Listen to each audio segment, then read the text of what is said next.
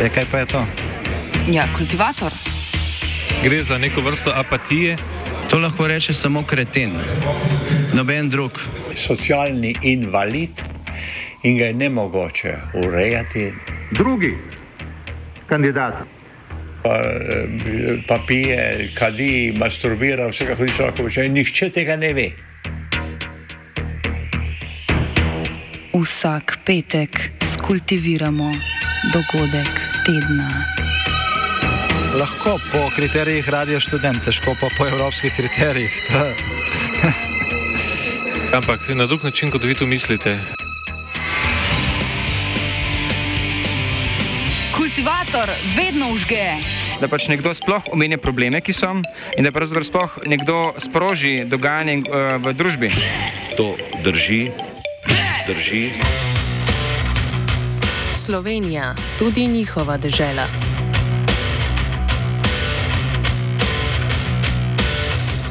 Ministrstvo za notranje zadeve je v javno obravnavo poslalo predlog zakona o spremembah in dopolnitvah zakona o mednarodni zaščiti.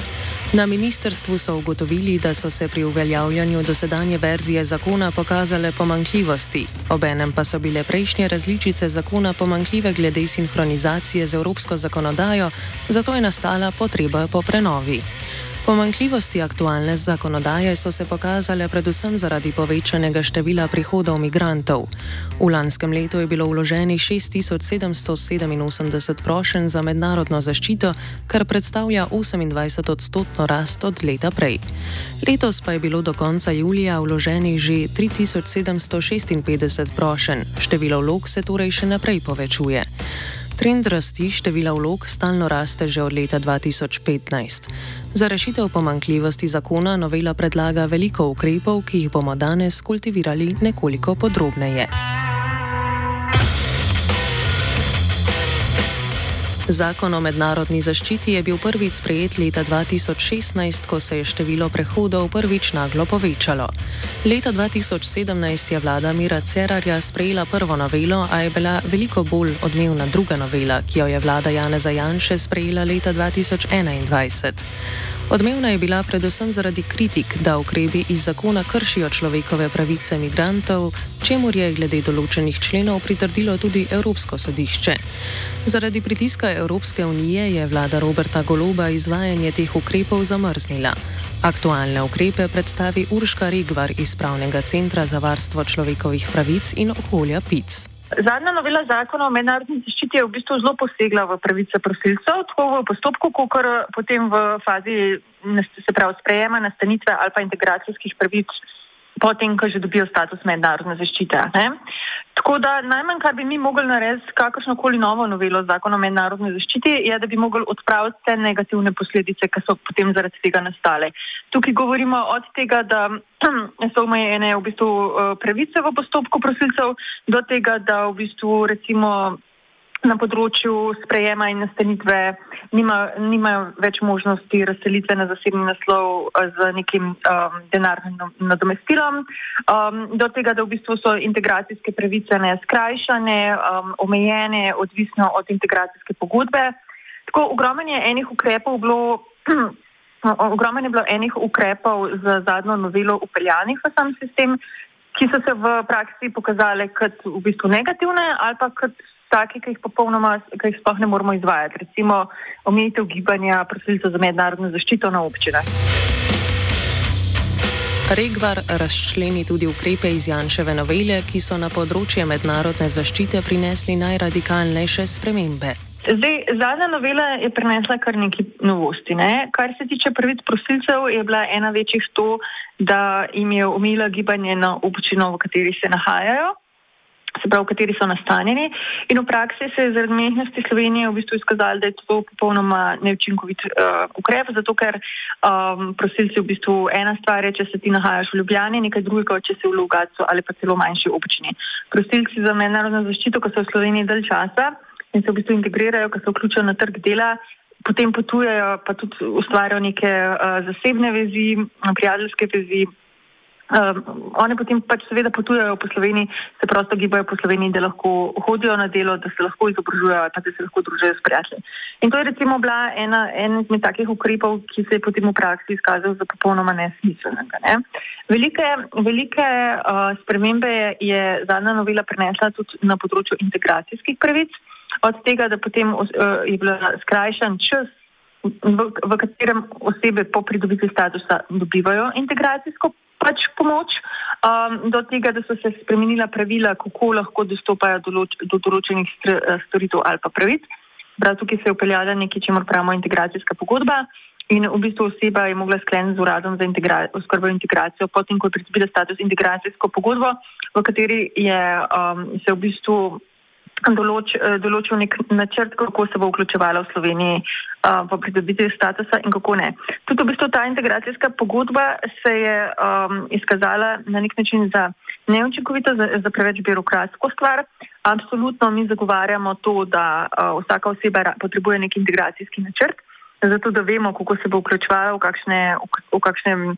Program, v, v kakšnih programih se bo udeležvala, a bo delala, a bo prejemala socialno pomoč v bistvu, kako bo potekal ta postopek pri njej. Tudi smiselno je, da se potem ta uh, proces integracije uh, nadzoruje v smislu, da ima oseba svojega socialnega delavca, ki pač skrbi, um, da ta integracijski proces, uh, proces teče. Nima pa mogoče smisla, da mi to dodatno zbirokratiziramo z, z tem, da imamo pravzaprav pogodbe. Če nekdo ni pa vsem na tekočem slovensko politiko, morda sploh ne ve, kaj mednarodna zaščita je. Regvar razloži, da je status mednarodne zaščite krovni pojem.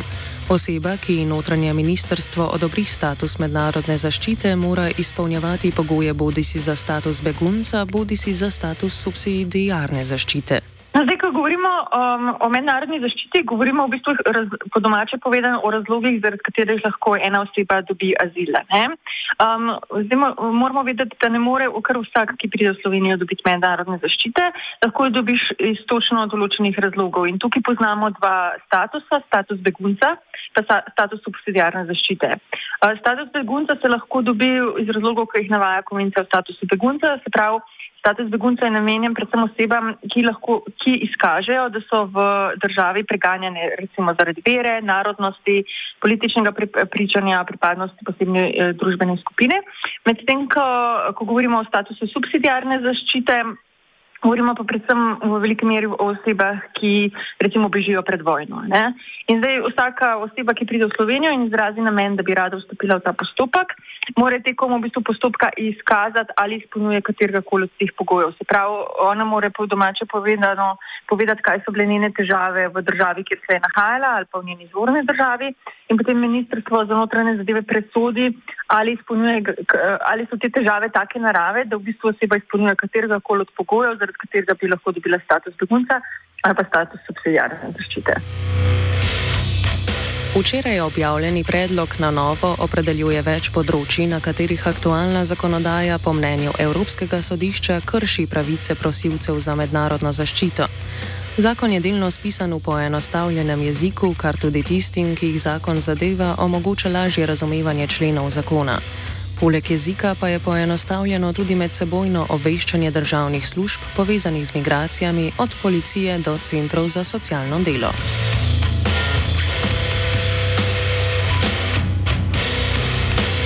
V aktualnem zakonu je gibanje prosilcev za mednarodno zaščito zelo okrnjeno, saj je omejeno na okolico azilnega doma. Za tiste z začasnim prebivališčem pa na občino, v kateri prebivajo. S predlogom novele hočejo na notranjem ministrstvu ta ukrep črtati iz zakona in namesto tega uvesti sistem obveznega in rednega javljanja prosilcev pristojnim organom. Ti organi v predlogu sicer niso definirani. Za tiste, ki bivajo v azilnem dolu, domu, pa še vedno obstajajo omejitve, kot je prepoved prenočevanja izven nasilnega doma, kar nameravajo po predlogu kaznovati z enomesečnim oduzemom prosilčeve žepnine. Prosilci, ki med čakanjem na odločitev ministrstva bivajo v zasebnih ustanovah, so že zdaj upravičeni do finančne pomoči za namene plačevanja stroškov bivanja, po aktualnem predlogu pa bi to pomoč povečali.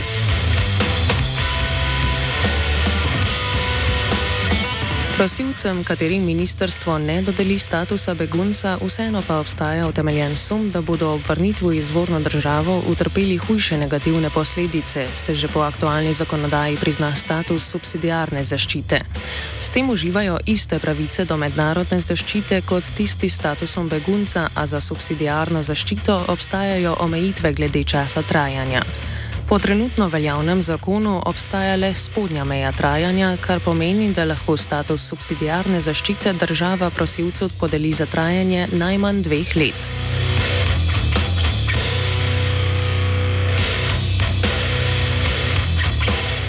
Če predlog novele, objavljen včeraj, začne veljati, bodo postavili tudi zgornjo mejo za trajanje zaščite, glede na predlog na trajanje petih let z možnostjo podaljšanja.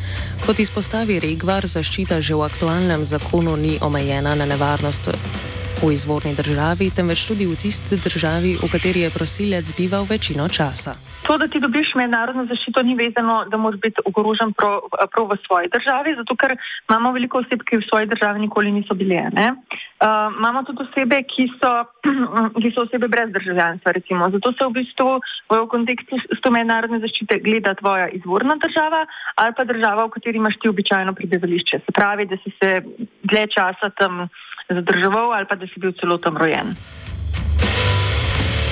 Tisti, ki niso bili rojeni v izvorni državi, so pogosto mladoletniki. Glede njih veljajo v zakonodaji za mednarodno zaščito posebna pravila, sploh v primeru, ko mladoletnik nima zakonitega zastopnika. Zdaj, eh, v trenutni zakonodaji jasno določa, da v bistvu vsi otroci, ki so mlajši od 18 let, so, so pač mladoletne osebe. In zdaj osebe, ki pridejo brez spremstva katerega koli družinskega člana, ali pa recimo zakonca, so potem eh, mladoletniki brez spremstva. Za mladoletnike brez spremstva veljajo pa v Sloveniji posebna pravila. Tako glede postopka, se pravi, da rabijo, potrebujejo dodatno pomoč in zato pridobijo zakonitega zastopnika, do recimo do sprejema, da so to v bistvu osebe, ki bi mogle imeti posebne nastanitvene uh, pogoje, se pravi, da bi mogle biti nastanjene v centrih za uh, mladoletnike brez spremstva. Če otrok nima zakonitega zastopnika, mu ga, kot pove sogovorka, določi država. Zdaj, zakonite zastopnike um, določajo v bistvu zakoni, um, mi imamo v Sloveniji seznam zakonitih zastopnikov. Um, se pravi, to so osebe, ki so se pojav, uh, prijavile na poziv za iskanje zakonitih zastopnikov, upravile določeno usposabljanje in potem lahko upravijo to funkcijo. Ponovadi so to posamezniki, to ne, to ne morejo biti nevladne organizacije. Um, in potem v bistvu za vsak primer center za socialno delo pokliče tistega zakonitega zastopnika, ki je na voljo in ga vpraša, ali bi prevzel zastopanje konkretnega mladoletnika. Predlog spreminja tudi zakonodajo glede mladoletnih prosilcev za mednarodno zaščito. Največja razlika je pri obravnavi mladoletnikov, ki imajo že svoje otroke ali so v zakonski zvezi. Ti mladoletniki po predlogu ne bodo imeli pravice do zakonitega zastopnika oziroma bodo imeli sami pravico do urejanja pravnih zadev, tudi če so mlajši od 15 let. Mladoletniki pa so le ena izmed ranljivih skupin prosilcev za mednarodno zaščito. Prilagoditve, ki so v trenutni zakonodaji dodeljene drugim ranljivim skupinam, predstavi sogovorka. V Sloveniji, tako kot na ravni celotne Evropske unije, so, je jasno določeno, da ko govorimo o ranljivih osebah in ranljive osebe so lahko recimo mladoletnike brez spremstva, nosečnice, enostarševske družine, lahko so to tudi recimo starejše osebe ali pa osebe, ki imajo kakšne um, te, telesne težave, mentalne uh, težave v duševnem zdravju in razvoju in tako dalje. Tako da čim ti opaziš tekom postopka ali pa tekom nastanitve, da gre za osebo, ki je ranljiva, to so lahko tudi recimo osebe, ki so žrtve mučenja, spolnega nasilja, nasilja po spolu, čim ti zaznaš, da ima oseba nek, nek taki indikator, zaradi česar je uh, ranljiva in potem po, po, uh, pripadajo tako v postopku, kot pri sprejemu, se pravi pri nastanitvi, uh, posebne pravice. Se pravi, v postopku to pomeni, da je treba prilagoditi postopek te osebi, njenemu, njeni stopni razumevanja in njeni sposobnosti sodelovanja v tem postopku. V primeru, da ugotovimo, da, ta, da je to oseba, v bistvu, ki sploh ne more sodelovati v postopku, se lahko postavi tudi zakoniti zastopnik, čeprav je odrasla oseba.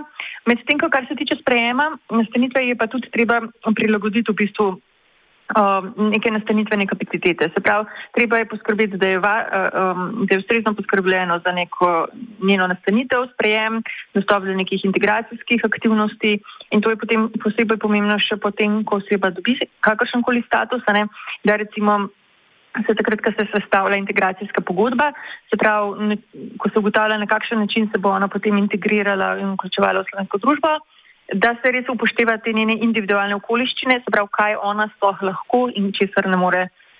Recimo, naprimer, ali je to delovno sposobna oseba, ali je to oseba, ki lahko upravlja uh, tečaje slovenskega jezika, ali pa to oseba, ki je v bistvu starejša in uh, nepismena in zaradi tega mogoče niti nima smisla, da se na, na različne uh, tečaje vključuje, zato ker vemo, da jih ne, vem, ne bo mogla narediti ali pa da bi v njih zelo težko sodelovala. Po predlogu se bodo prilagoditve za nje razširile, predvsem na področju aktivnosti za integracijo.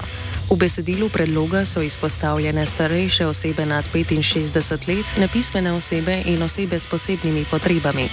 Pomoč pri vlaganju prošnje za mednarodno zaščito pa v skladu z veljavno zakonodajo pripada vsem prosilcem v obliki svetovalcev za begunce. Njihov namen je zastopanje prosilcev v pravnih postopkih, predvsem tistih, ki se odvijajo na vrhovnem ali ustavnem sodišču. Svetovalci za begunce so spet osebe, ki so strani uh, Ministrstva za pravosodje dane na listo svetovalcev za begunce. So prav, to so posamezniki, pravniki, ki se prijavijo na razpis in potem lahko opravljajo zastopanje prosilcev za mednarodno zaščito pred uh, našimi sodišči. To v, v, v um, praksi pomeni, da v bistvu vsaka oseba, ko dobi neko odločitev Ministrstva za notranje zadeve, ima pravico do pravne pomoči, uh, če, se, če želi začeti upravni spor po domači, če se želi v bistvu pritožiti, če se ne strinja s to odločitvijo, kar pomeni, da lahko pokliče svetovalce za begunce in potem bo ta svetovalec za begunce to osebo zastopal v postopku pred sodiščem. Tej vlogi nameravajo na ministrstvu z novelo dodati še vlogo svetovalca za integracijo, ki bo prosilcem služil kot neke vrste osebni trener za integracijo. To pomeni, da bo prosilcem pomagal pri učenju jezika in celoviti integraciji v domače okolje, pa tudi širšo slovensko družbo. V ta namen predlog predvideva sestavljanje posamezniku prilagojenih integracijskih načrtov. S tem se zamenjuje koncept pogodbe za integracijske aktivnosti, ki v trenutni zakonodaji prosilcem le nalaga, da se morajo udeleževati aktivnosti za integracijo, od jezikovnih do kulturnih tečajev in nudi osnoven načrt za integracijo.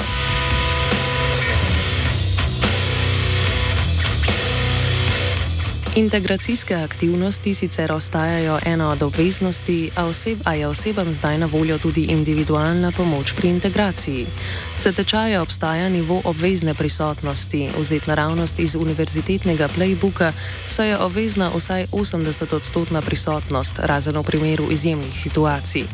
Za tiste, ki izpolnjujejo obvezno prisotnost, pa hočejo s predlogom uvesti dodatne ugodnosti, kot je državno financiranje potnih stroškov za tečaje. Tečaji so najpogosteje že po aktualni zakonodaji jezikovni in tako poskušajo premostiti največji problem, s katerim se soočajo prosilci.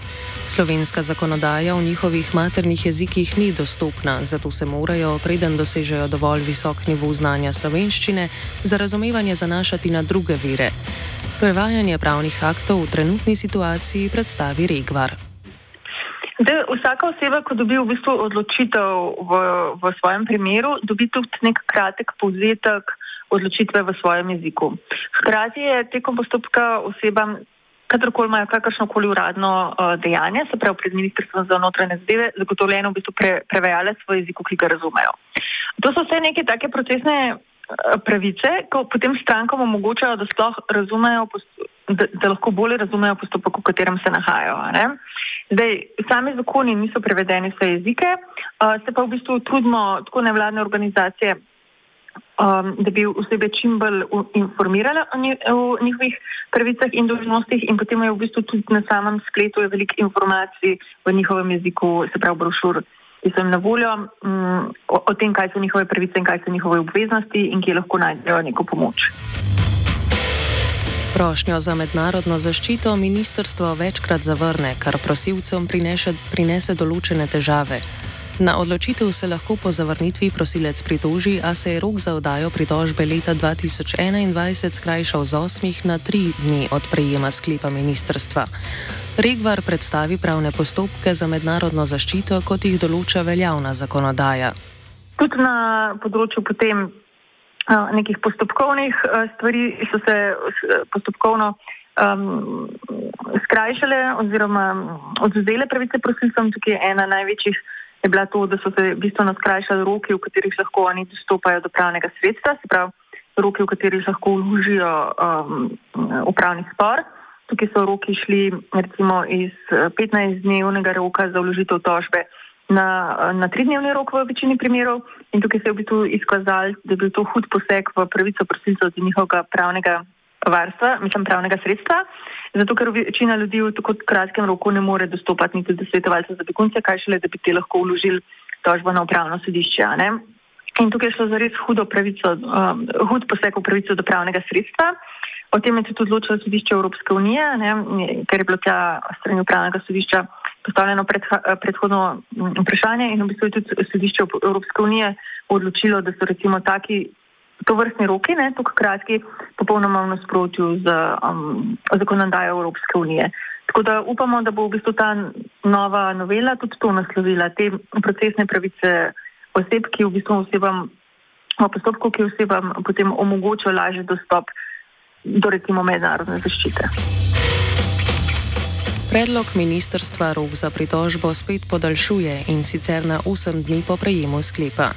Poleg tega naslavlja situacijo, v kateri ima zavrnjeni prosilec že pravico do mednarodne zaščite v drugi državi, ampak ga tista država noče sprejeti. V takem primeru se prosilcu vseeno odobri prošnjo in s tem prejme status mednarodne zaščite. Zakonodaja lahko zaobjame le nekatere probleme, s katerimi se srečujejo prosilci za mednarodno zaščito. Pri tem Regvar izpostavlja migracijsko strategijo države, za katero meni, da bi lahko po izboljšavi pripomogla k rešitvi neformalnih problemov. Nekaj je, kar lahko ureja zakonodaja, nekaj drugega je, kar lahko ureja migracijska strategija ali pa strategija vključevanja. Ne? Um, mi mislimo, da mi v bistvu že, že dlje časa opozarjamo, da od leta 2015 naprej imamo v Sloveniji izrazito negativen pristop do migracij. Tako, tako v tem, kako o migracijah komuniciramo v javnosti, do tega v bistvu, kakšni so naši uh, ukrepi na področju migracij. Od zakonodaje do zapiranja meje, do, do raznih policijskih postopkov in tako dalje. Ne? Tako da tukaj bi mi si želeli predvsem od prihodnje migracijske strategije da bi na nek nov način pristopila do migracij in dala nek nov veter v bistvu temu, kako mi pristopamo k migracijam, kako jih obravnavamo in kako bomo, kako bomo po eni strani uh, pritegnili več mi, uh, mi, uh, migrantov v Slovenijo, prav, ko govorimo o delovnih migracijah, kako bomo skrbeli, da so njihove temeljne človekove pravice zaščitene in uh, seveda, kako bomo tudi potem um, skrbeli za to, da, um, da bojo lahko v Sloveniji dostojno živeli. Po besedah Regvar nevladne organizacije za pripravo predloga niso vedele vse do danes. Kritik predloga tako še nimajo, saj ga sploh še niso uspeli prebrati. Da bi ga razumeli bolje, smo za pojasnilo zaprosili tudi Ministrstvo za notranje zadeve, a do konca redakcije nismo prejeli do odgovora. V vsakem primeru pa glede na prvi vtis kaže, da se slovenska migracijska politika s tem predlogom počasi premika v pravo smer.